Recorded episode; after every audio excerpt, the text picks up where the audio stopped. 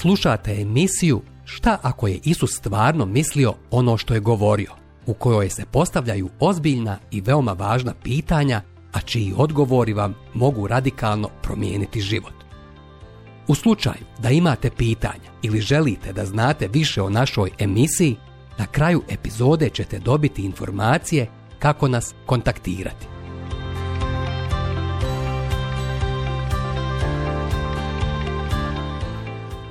gdje to počinje putovanje? Ja sam vam naime na prvom mjestu predao ono što sam primio, da je Krist saglasno pismima umro za naše grijehe i da je saglasno pismima sahranjen i uskrsnut trećeg dana. Prva poslanica Koričanima, 15. poglavlje, treći i 4. stih. Život za koji smo stvoreni počinje u trenu kada vjerom prelazimo sa sebe i svojih nastojanja na gospoda Isusa Krista i sve ono što je on ostvario smrću, sahranom i uskrsenjem. Zato je prvi korak sljedbeništva za Kristom baš vjera u sve to. Vjera da je Isus zaista mislio sve što je rekao na uputu u vječni život. Ja sam uskrsenje i život. Ko vjeruje u mene, živjet će ako i umre i ko god živi i vjeruje u mene, neće do vijeka umriti. Vjeruješ li u to? Ivanove evanđelje, 11. poglavlje, 25. 26. stih. Sve što jesmo i možemo ne zavređuje Božje prihvatanje, ali u Kristu i svemu njegovom smo prihvaćeni. Milošću ste spašeni posredstvom vjeri.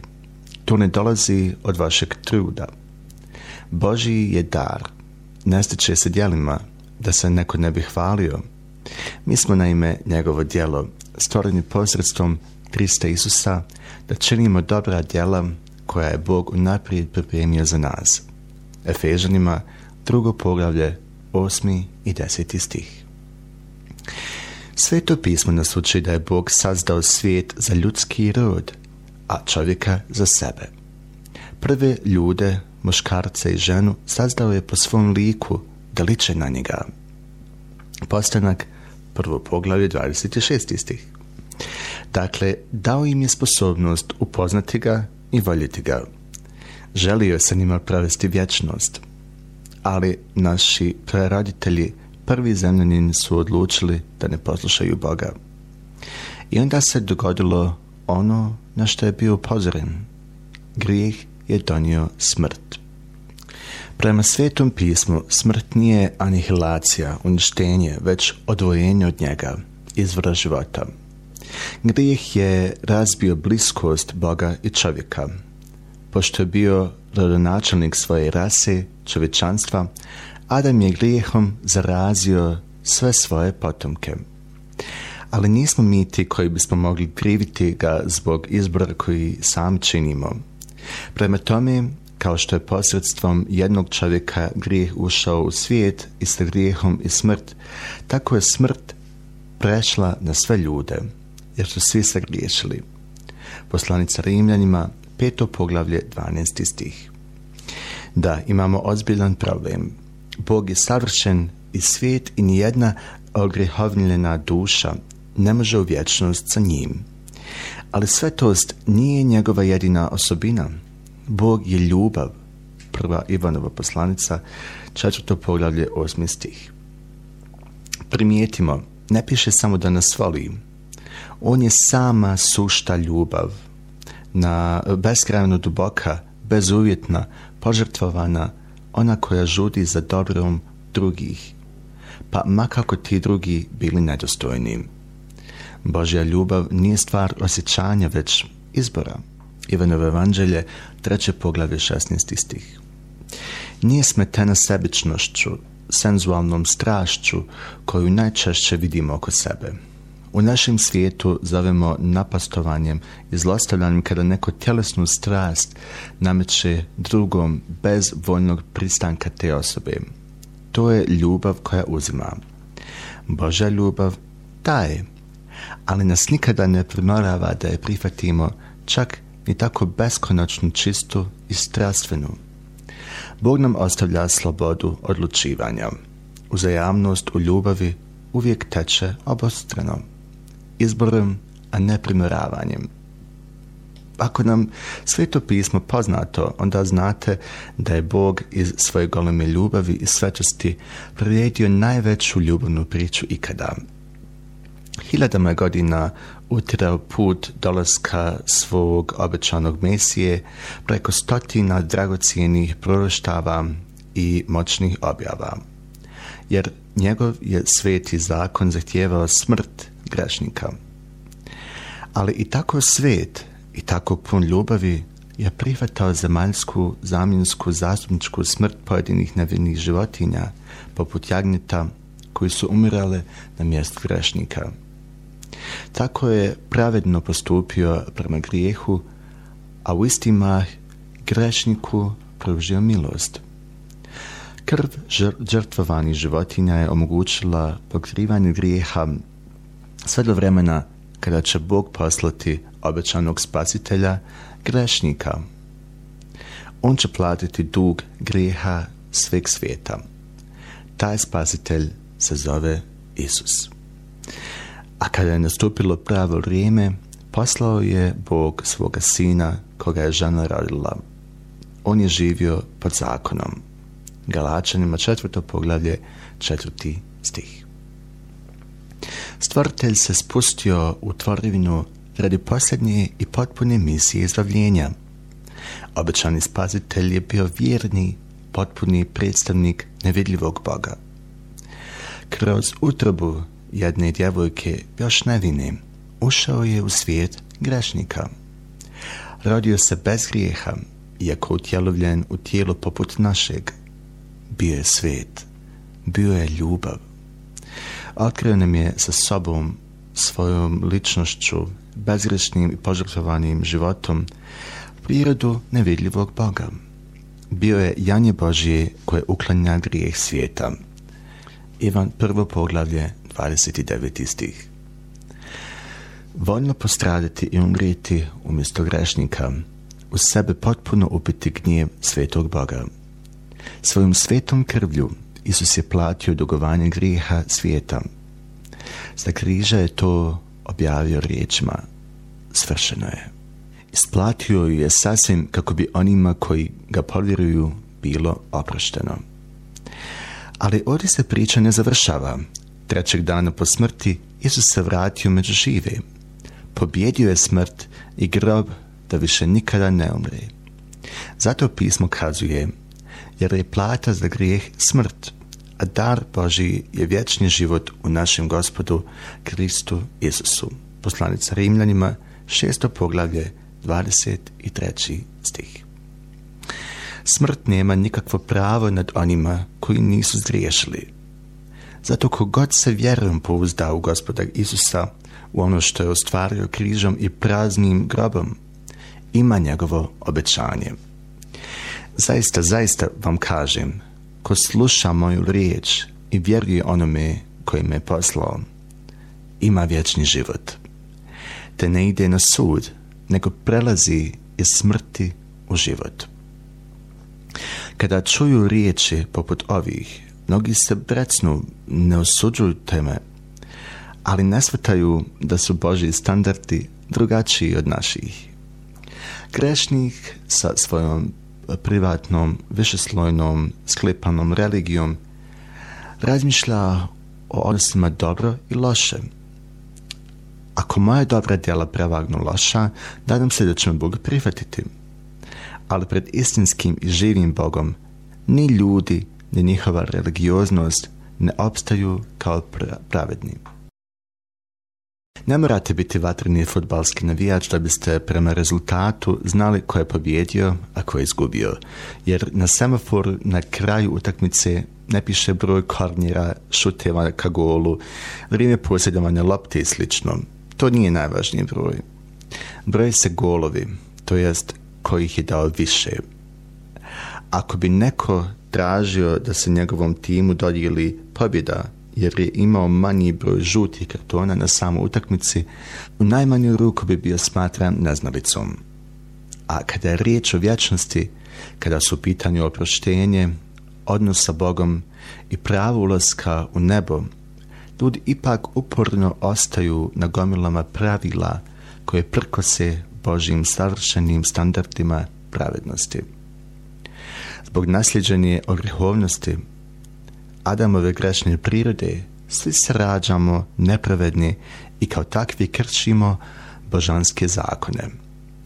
Zato, zaslužujemo i osudu. Ali Isus nije zato došao osuditi nas. Bog naime nije poslao sina da sudi svijetu, nego da se svijet spasi njegovim posredstvom.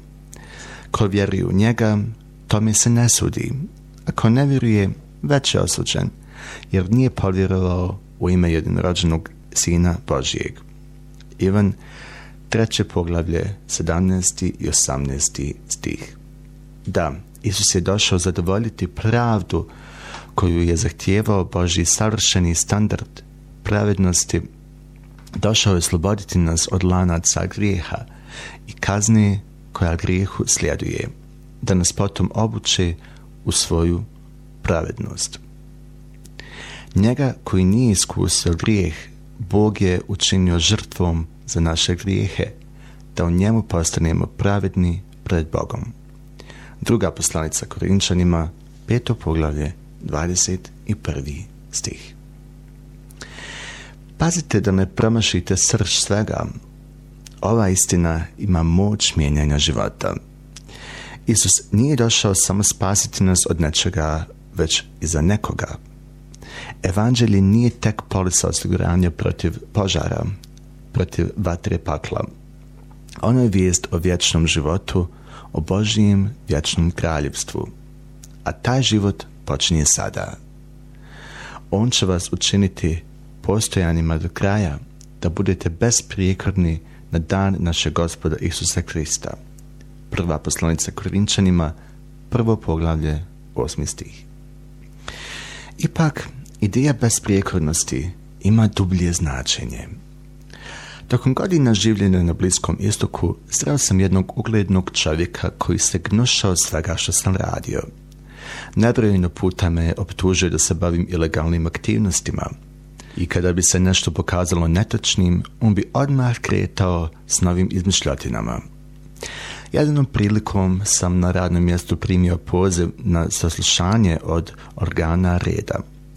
Prijatelj, također pravnik međunarodnog prava, me je upozorio da nakon uručivanja trećeg poziva imaju pravo uhapsiti me. Kada su me pozvali drugi put, odazvao sam se i otišao u stanicu policije. Tamošnji šef nije znao o čemu se radi, zašto me optužuju, ali mi je rekao da će provjeriti u kakve sam to nevolje sa zakonom se upetljao Nisam se nimalo plašio dok sam čekao narednih 20 minuta, a i šef me lično poslužio šoljom čaja. Napokon se pojavio njegov sekretar sa papirom u ruci.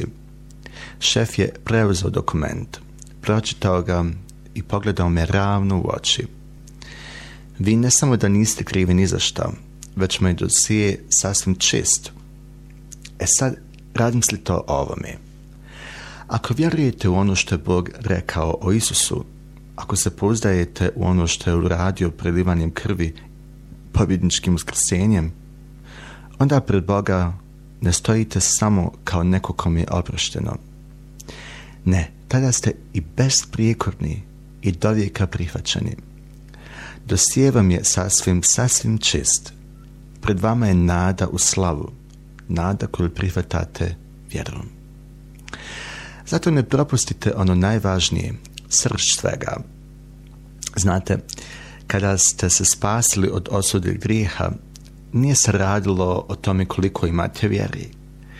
Ne, objekt vašeg vjerovanja je bio najvažniji.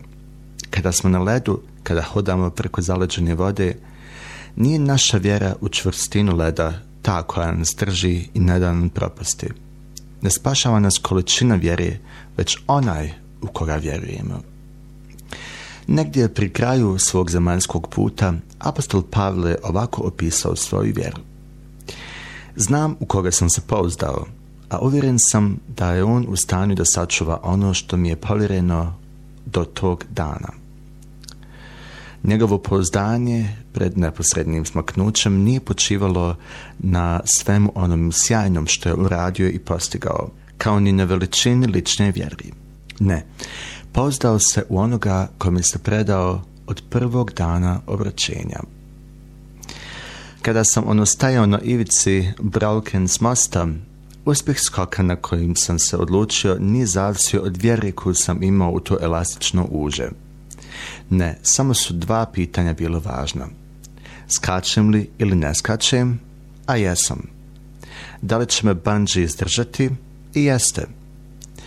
Kada razmišljate o svom nadolazećem skoku u vječnost, u šta i u koga se pouzdajete? Ko je Isus i zašto je došao na našu planetu?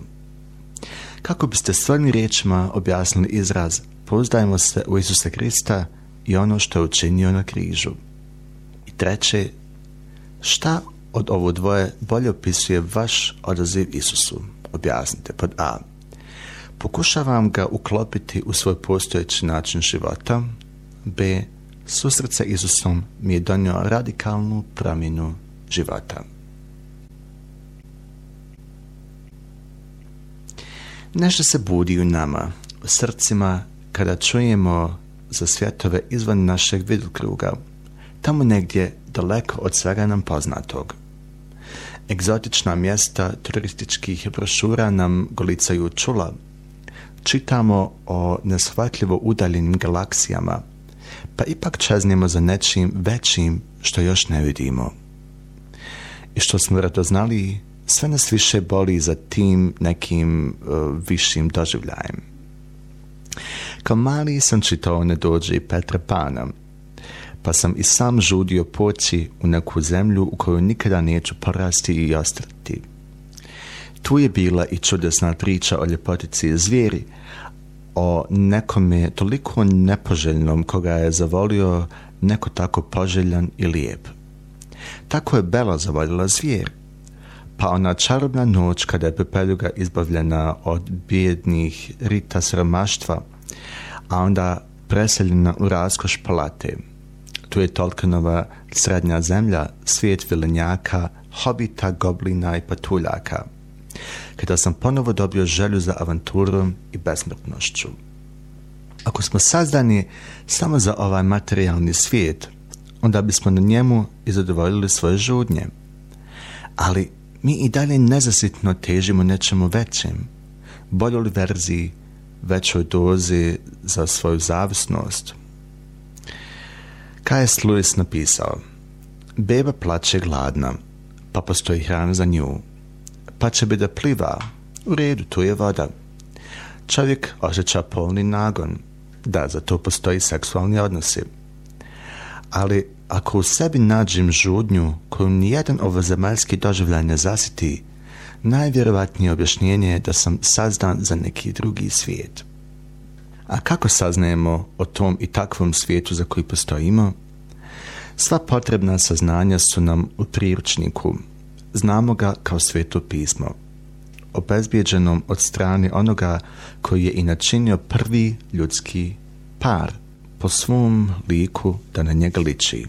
Postanak prvo poglavlje 26. 27. stih. Bog je stvorio ljude za bliskost sa sobom, sa svojim sazdateljem i za život na njegovu slavu ali to blisko rastuće zajedništvo kako je u početku bilo među njima prekinuto je grijehom. Ipak, Bog je imao plan izbavljenja. Da, imao je plan za problem grijeha, ali koji nije nimalo računao na nastojanje ljudske rase za boljitkom, za boljim izdanjem. Sve se ticalo Boga samog. On postaje mi, jedan od nas – uzima tijelo kako bi nam se predstavio u čovjekovoj ličnosti, kako bi pobjedio grijeh i smrt i otvorio grešniku put povratka. I kada je sve to uradio, pozvao nas je na blisko sa sobom, u vječno zajedništvo, u odnos koji odpočinje sada. Baš to nudi evanđelje. Baš u tome se naše htjenja i žudnje u potpunosti ispunjavaju priprema sceni. Živimo u svijetu raznih pokreta, trendova, prolaznih moda i stilova. Od odjeće do automobila, od tehnike do zabave, sve obavija opresivni plamen za trenutkom. Svi lude za onim što je sada i odmah važno. Pogledajmo muziku, na primjer. Početkom 90. godina New Kids on the Block su bili glavni među klincima, ali ubrzo su zamijenili Sing, Spice Girls i Backstreet Boys. Iako njihove pjesme i danas uzmeju neka mjesta na listama slušanosti, zamijenjeni su drugima poput Jonas Brothers i High School Musical. Likovi Gabrieli i Troja su krasili odjeću, postare, kutiju za ručak i sve na što su ih mogli odštampati. Sjećate li se vremena kada niste mogli kročiti na ulice, a da negdje ne vidite osmi Hannah ili je to bila Miley Cyrus, uvijek se zavunim. Za neke od vas sve oni su daleka historija ili prosto ne znate o kome to govorim, a mogli bismo nabrajati i nabrajati i spominjati sadašnje trendove, ali pojenta je jasna. Živimo u svijetu koji teži modi, trendu i hitu, zbog čega marketinški magovi čine sve da taj trenutak dobro unovče. I baš u tome srećemo sebe prema evanđelju po Mateju 16. Isus je na vrhuncu popularnosti. Vratio je vid slijepom, hod hromom, očistio je koč gubavca, vratio mrtvoga u život, propovjedao i najsilnije poruke ikada. Pristašice su se u gomilama tiskale oko njega, gurale samo da ga dotaknu, napuštajući uobičajene tokove života – iz zone sigurnosti da bi ga slijedili. Bilo je to njegovih pet minuta slave. Ali umjesto da još više rasplansava taj obožavateljski žar, Isus ih je sve pozvao još bliže sebi, jer nije htio da oni budu ti koji će propustiti taj trenutak. Da, baš tada im je rekao što je htio. Pozvao ih je.